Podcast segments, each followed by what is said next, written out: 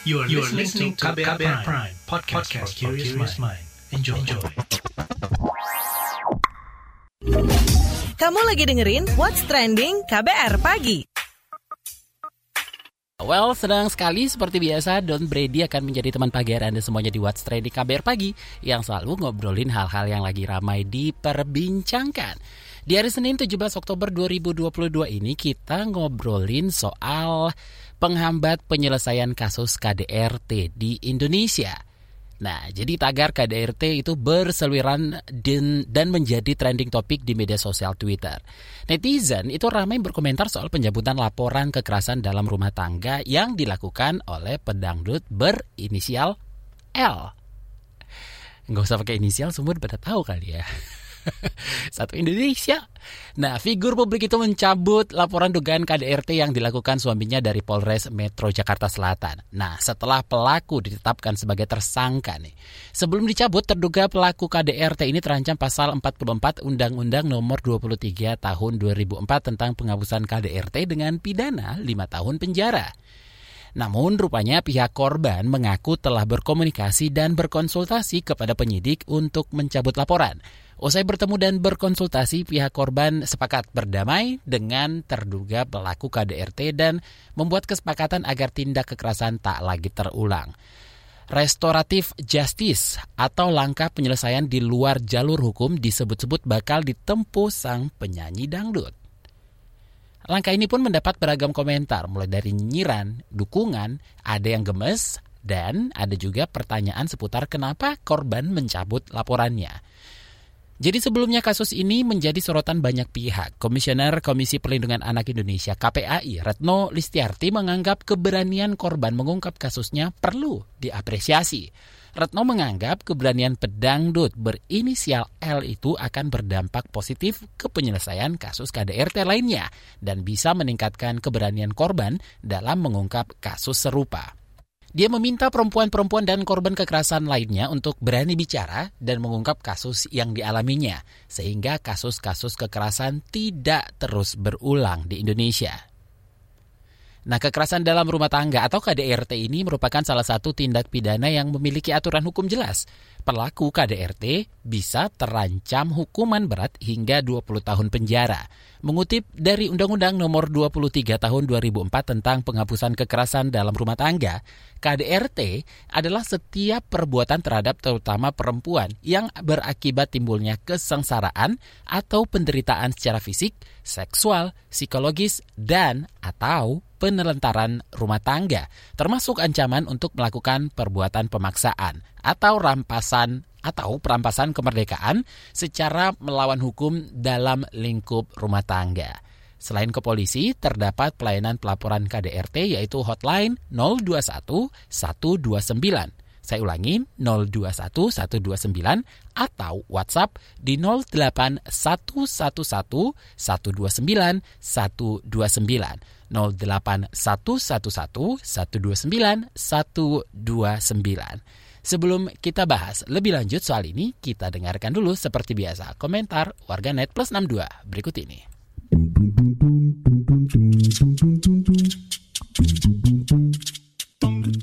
Pertama, akun ad bulan XX kasus KDRT harus didampingi oleh tenaga hukum yang berpengalaman menghadapi kasus serupa dan mendahulukan keberpihakan pada korban. Dahulukan penegakan hukum terhadap pelaku dan perlindungan untuk korban sebelum kepentingan lainnya. Akun ad Intan XX, nih kata gue, Bilar pelaku sama Lesti korban jangan dipertemukan dulu. Jadinya kayak gini, mungkin Lesti yang hatinya kayak Hello Kitty pasti gampang memaafkan kalau ada yang mohon-mohon sambil nangis. Lesti lo bagus jadi orang orang yang pemaaf, tapi ini KDRT tindak pidana dan hukum harus tetap dilanjutkan. Bagi Lesti nggak apa-apa, tapi gue takut nimpa ke anaknya, takut anaknya juga dapat kekerasan suatu saat nanti. Orang kalau udah berani mukul atau melakukan tindakan kekerasan, dah lah nggak aman ini mah kecuali kalau udah tobat kali ya. Doa terbaik ya buat Lesti aja deh. At DuXX, Lesti Kejora itu nggak jelas banget. Padahal kalau sampai pelaku KDRT di penjara bisa jadi barometer keadilan hukum buat wanita. Terutama istri yang sering disiksa suami di luar sana banyak banget. Gara-gara Lesti cabut laporan, wanita tetap makhluk lemah. Akun at kedelai XX. Sebagai perempuan tentu saya apresiasi keberanian Lesti untuk melaporkan KDRT yang dilakukan suaminya. Banyak kasus serupa dan banyak perempuan tetap diam tertindas. Apa yang mendasari Lesti kemudian mencabut laporan laporannya kita netizen belum tahu. Yang pasti urusan hati itu rumit ke at anjasxx yang jadi masalah itu kan udah lapor polisi udah visum dan udah banyak mendapat empati publik. Karena KDRT sebuah kejahatan di mana banyak yang berharap kejahatan bisa diadili. Tapi ya gitu makanya sebelum masuk ranah publik harusnya dia nggak usahlah lapor-lapor dan jadi heboh. Terakhir akun at andrewxx loh itu hak dia. Malahan bagus dia lapor jadi suaminya bisa mikir-mikir kalau mau KDRT bisa dipolisikan lagi. Ini kan bukan kejahatan pidana tapi kan masalah rumah tangga. Ya nggak bisa disamakan. Makanya ada mediasi support aja nggak usah malah dikata-katain. Lo nggak tahu rasanya di posisi dia.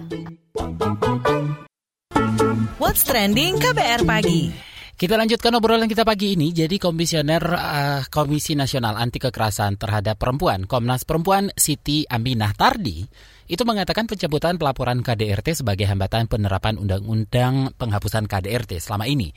Menurutnya, lemahnya pendampingan psikologi korban dan penguatan korban menjadi salah satu faktor penyebab korban cenderung enggan menyelesaikan kasus di jalur hukum.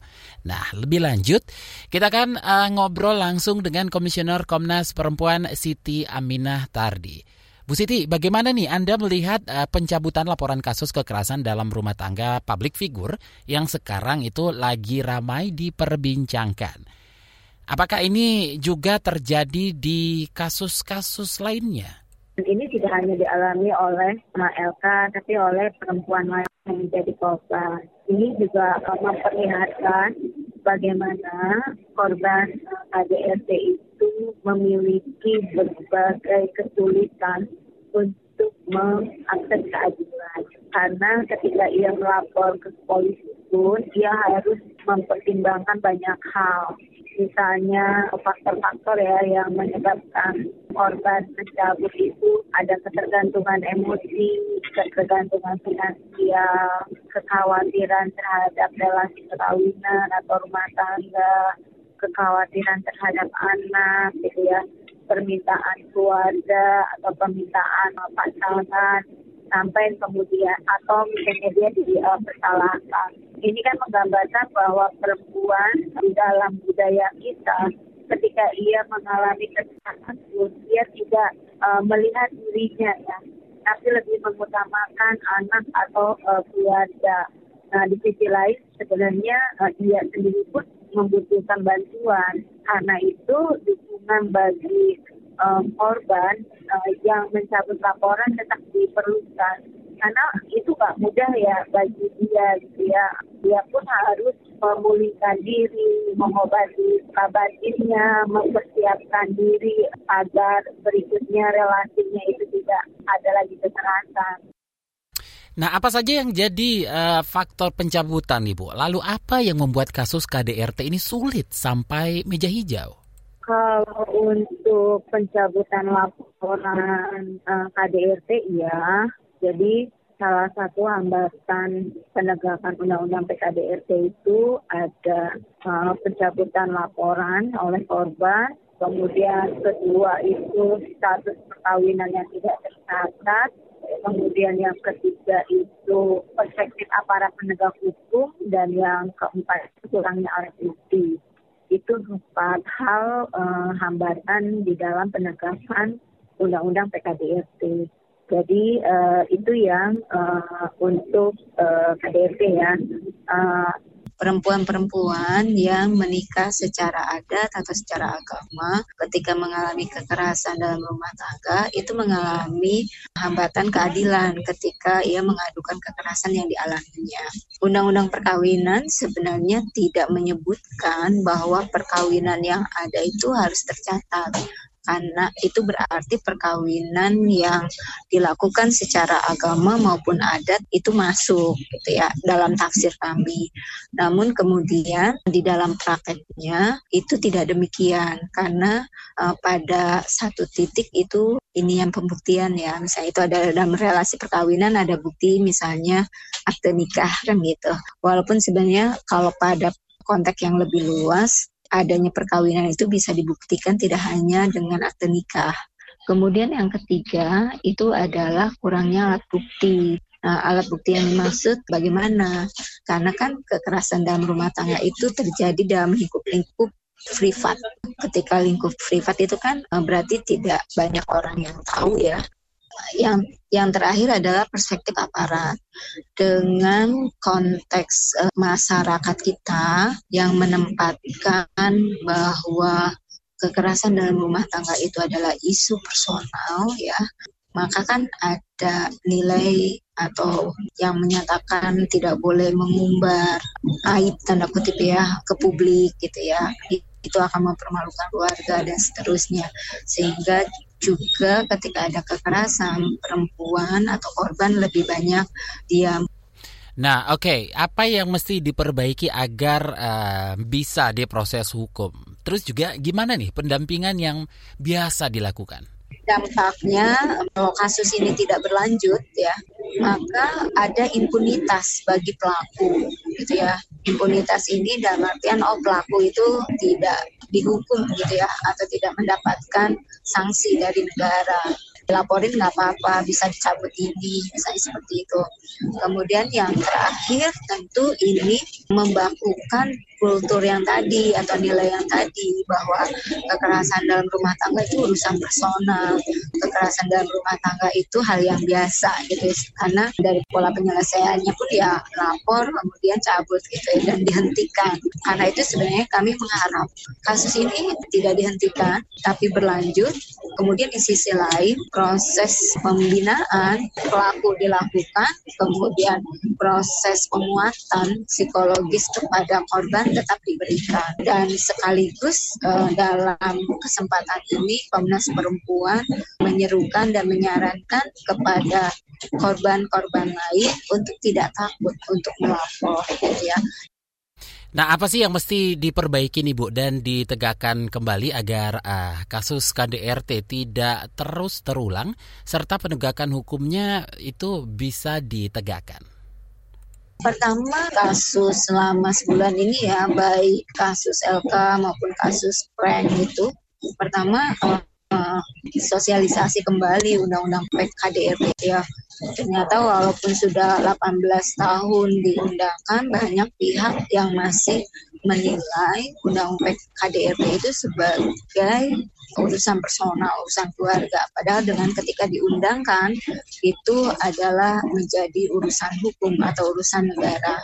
Iya, yang kedua adalah negara meningkatkan atau menyempurnakan infrastruktur untuk penegakan undang-undang PKDRT seperti apa? Seperti misalnya di Undang-Undang PKDRT itu ada kalau pelaku tidak ditahan ya, itu ada perintah pengadilan misalnya untuk pembatasan gerak pelaku gitu ya. Nah, secara operasional itu belum dilengkapi bagaimana dan siapa uh, yang melakukan dan mengawasi pembatasan gerak pelaku uh, ke korban ya agar tidak uh, terjadi kekerasan kembali. Kemudian yang kedua adalah misalnya konseling hakim dalam putusannya sebenarnya bisa mewajibkan pelaku mengikuti program konseling. Program konseling ini untuk pengelolaan konflik gitu ya dalam uh, rumah tangga juga untuk merubah cara pandang terkait relasi laki-laki dan perempuan. Nah, ini uh, belum uh, ada infrastrukturnya. Siapa yang melakukan pengawasan? Siapa yang melakukan memberikan konselingnya? Terima kasih Komisioner Komnas Perempuan Siti Abena Tardi. What's trending KBR pagi?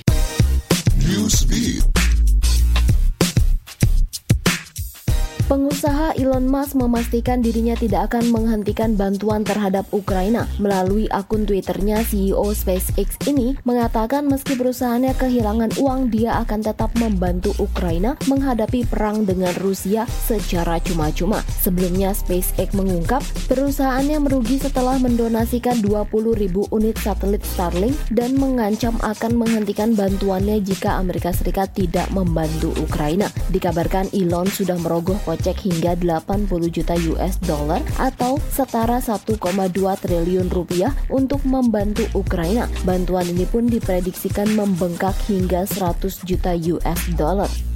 Kondisi krisis makin menjadi. Perdana Menteri Inggris Liz Truss memecat Menteri Keuangan yang baru bertugas selama 38 hari. Pemberhentian ini dilakukan langsung oleh Truss dan menjadi rekor masa jabatan tercepat sejak 1970. Pemerintah Liz Truss dikabarkan kian terdesak dengan permintaan menangani persoalan krisis keuangan, inflasi hingga jurang resesi yang kian dekat. Pemerintah Inggris telah melakukan berbagai kebijakan seperti memangkas tarif pajak pajak 45% untuk meningkatkan perekonomian, mereka juga meningkatkan pinjaman pemerintah. Namun usaha ini dinilai belum cukup dan tidak disambut baik oleh pasar Inggris.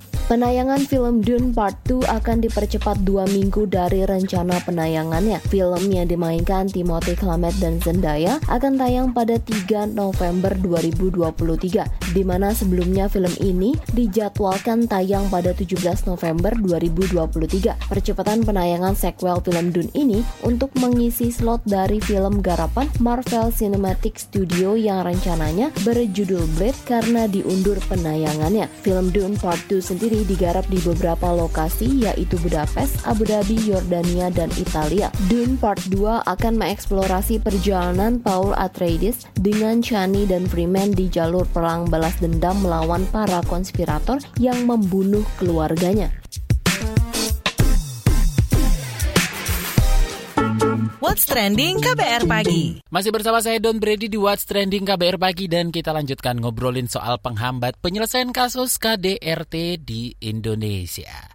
Oke, nah kalau tadi kita sudah uh, ngobrol dengan Komisioner Komnas Perempuan Siti Aminatardi, Kali ini uh, saya mau ngobrol ya saya akan lanjutkan obrolan ini dengan Direktur Eksekutif LBH Apik Siti Mazuma.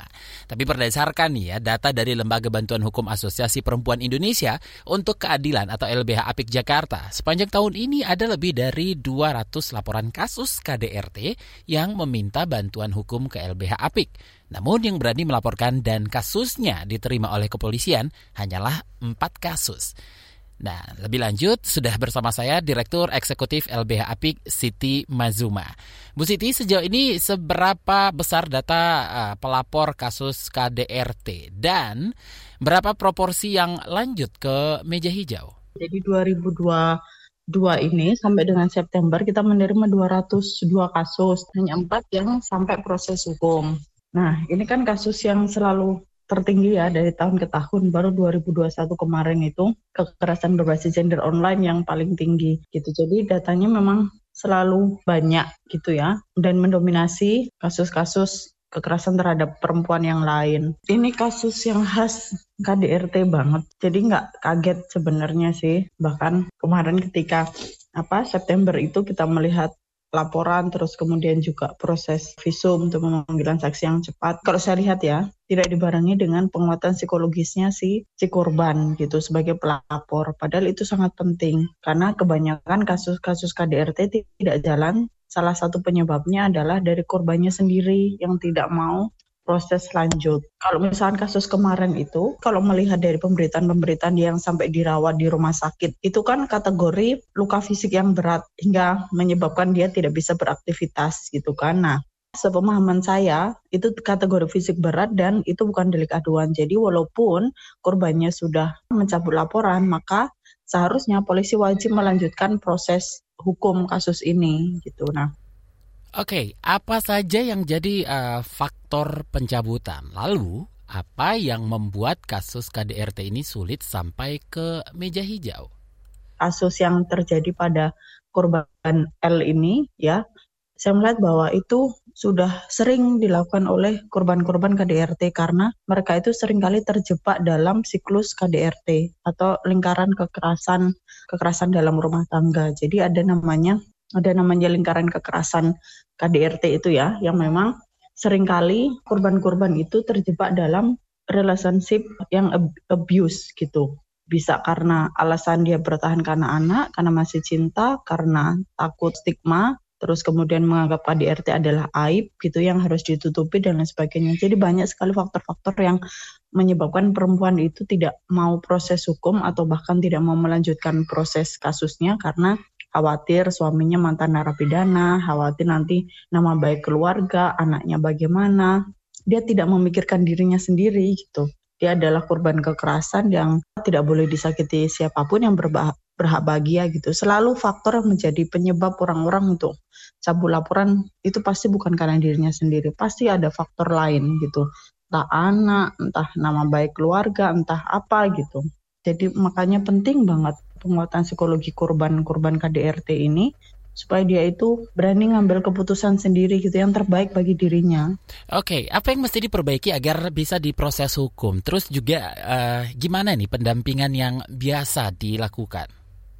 pendampingan selama ini untuk korban-korban KDRT itu hak korban itu kenapa kita punya undang-undang khusus ya undang-undang penghapusan kekerasan dalam rumah tangga yang sudah disahkan dari 2004. Nah, undang-undang ini membahas banyak sekali hak-hak korban. Kenapa? Karena banyak kasus KDRT itu tadi kan yang tidak bisa diproses hukum karena faktor internal dan eksternal. Dalam pendampingan kasus-kasus yang kita lakukan tentu saja adalah penguatan korban. Jadi korban-korban konsultasi ke LBH Jakarta yang pertama kita lakukan adalah berikan penguatan.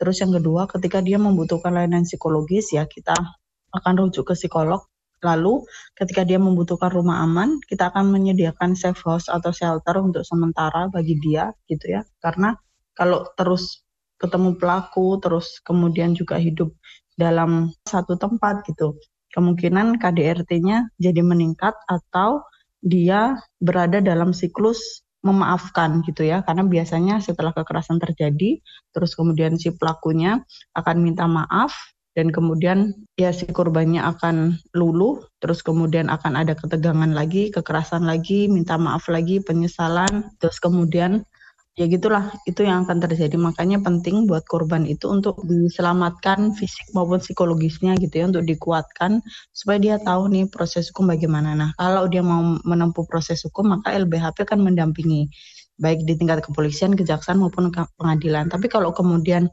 mau proses non litigasi atau tidak proses hukum gitu ya, misalkan dia mau hanya minta penguatan dari kami atau melakukan pemanggilan kepada suaminya supaya tidak melakukan KDRT lagi ya, kami lakukan gitu. Nah, upaya-upaya itu yang kita lakukan karena kita lembaga bantuan hukum dan kebutuhan bantuan hukum kami itu berbasiskan pada si korbannya. Misalkan korbannya minta kantor polisi atau tidak, maka kita harus memberikan dukungan dan penguatan tersebut gitu. Oke, bagaimana jika yang ditempuh adalah restoratif justice? Menyelesaikan kasus? Tidak, ya. Kasus KDRT ini kan kasus yang terjadi karena suami atau pelakunya menganggap bahwa korbannya ini orang yang bisa dijadikan pelampiasan gitu ya, bisa dijadikan pelampiasan kekerasan atau dia menganggap bahwa dia punya relasi atau power yang lebih tinggi sehingga bisa menghajar istrinya, bisa memukul dan sebagainya gitu ya.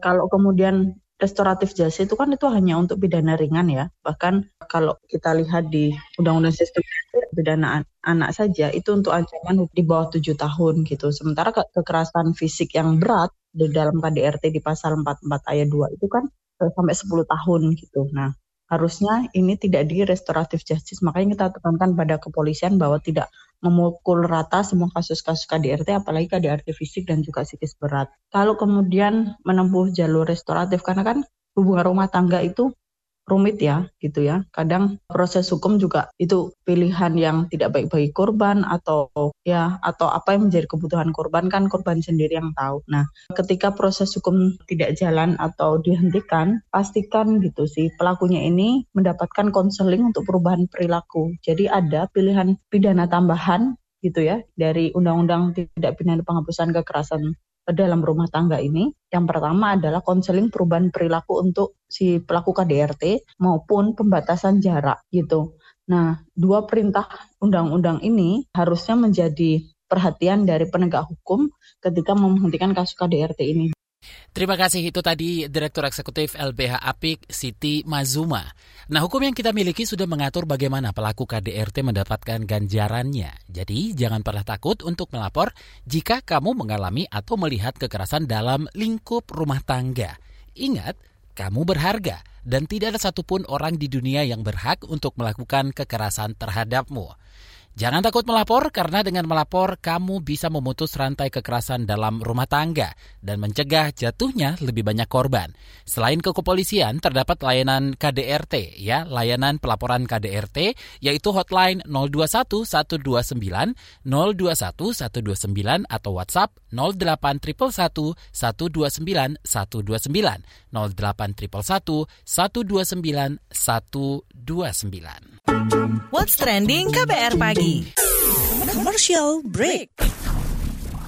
Flash News. Saudara, berikut ini akan kita dengarkan pengakuan pendengar yang ketagihan mendengar informasi dari Buletin Pagi KBR. Awalnya sih coba-coba ya, karena saya memang haus informasi, tapi nggak mau berlebihan karena bisa mempengaruhi mental saya juga. Jadi ya sekarang saya ketagihan deh dan nggak bisa berhenti. Bagaimana dengan Anda? Dengarkan Buletin Pagi dari Senin sampai Jumat jam 6 pagi waktu Indonesia Barat. Cukup 30 menit saja. Dengarkan juga podcastnya di kbrprime.id. KBR, inspiratif, terpercaya. Flash News.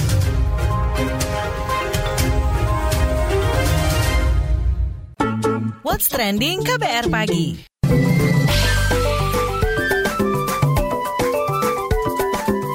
WhatsApp Indonesia.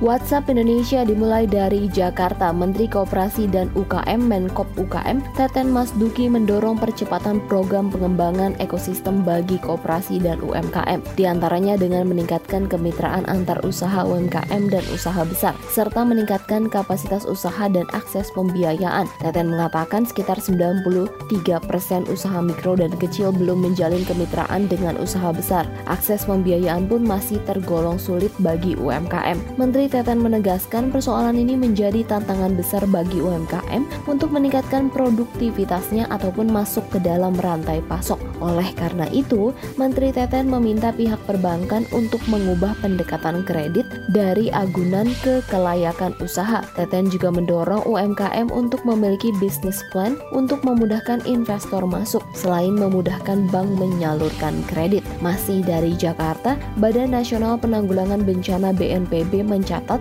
lebih dari 2000 bencana alam terjadi selama setahun. Kepala BNPB Suharyanto mengatakan bencana alam yang mendominasi adalah banjir dan tanah longsor. Itu disebabkan curah hujan yang tinggi. Ia menambahkan Jawa Tengah menjadi provinsi jumlah bencana tertinggi dalam lima tahun terakhir. Bencana yang melanda antara lain banjir, tanah longsor hingga gelombang pasang atau abrasi. Kata dia, daerah menjalankan upaya yang maksimal untuk menanggulangi bencana yang terjadi. Dia juga mengatakan bencana akan terus bertambah namun pihaknya akan memaksimalkan pengurangan risiko bencana. Terakhir mampir Banten, Desa Wisata Sabah Budaya Baduy di Kabupaten Lebak, Banten masuk 50 besar desa wisata terbaik Anugerah Desa Wisata Indonesia ADWI 2022. Menteri Pariwisata dan Ekonomi Kreatif Menparekraf Sandiaga Uno menegaskan desa wisata ini memiliki potensi pariwisata dan ekonomi kreatif yang tinggi dengan mengandalkan konsep pariwisata berkelanjutan berbasis alam, budaya, dan ekonomi kreatif. Desa dengan populasi 26.000 jiwa dan berada di ketinggian 300 sampai 600 meter di atas permukaan laut ini memiliki area bukit dan perkebunan yang sangat sejuk dan indah. Adapun potensi kria dan kulinernya ditopang dari hasil alam berupa anyaman bambu, madu, dan gula aren, serta potensi di sektor fashion seperti gelang kayu, tas jinjing, serta pakaian kain khas suku Baduy. Kendati demikian, Menparekraf Sandi menilai sisi aksesibilitas dari desa desa wisata ini perlu ditingkatkan. Bersama pihak-pihak terkait, Menparekraf Sandiaga mengklaim akan meningkatkan aksesibilitas agar keberadaan desa wisata Sabah Budaya Baduy memiliki dampak yang luas terhadap kebangkitan ekonomi dan terbukanya lapangan kerja bagi masyarakat. Demikian WhatsApp Indonesia hari ini. Demikian kabar pagi hari ini. Jika Anda tertinggal siaran ini, Anda kembali bisa menyimaknya di podcast What's Trending yang ada di Spotify, kbrprime.id, dan di aplikasi mendengarkan podcast lainnya. Don't ready undur diri, besok kita ketemu lagi. Stay safe. Bye-bye. Terima kasih ya sudah dengerin What's Trending KBR Pagi. KBR Prime, cara asik mendengar berita. KBR Prime, podcast for curious mind.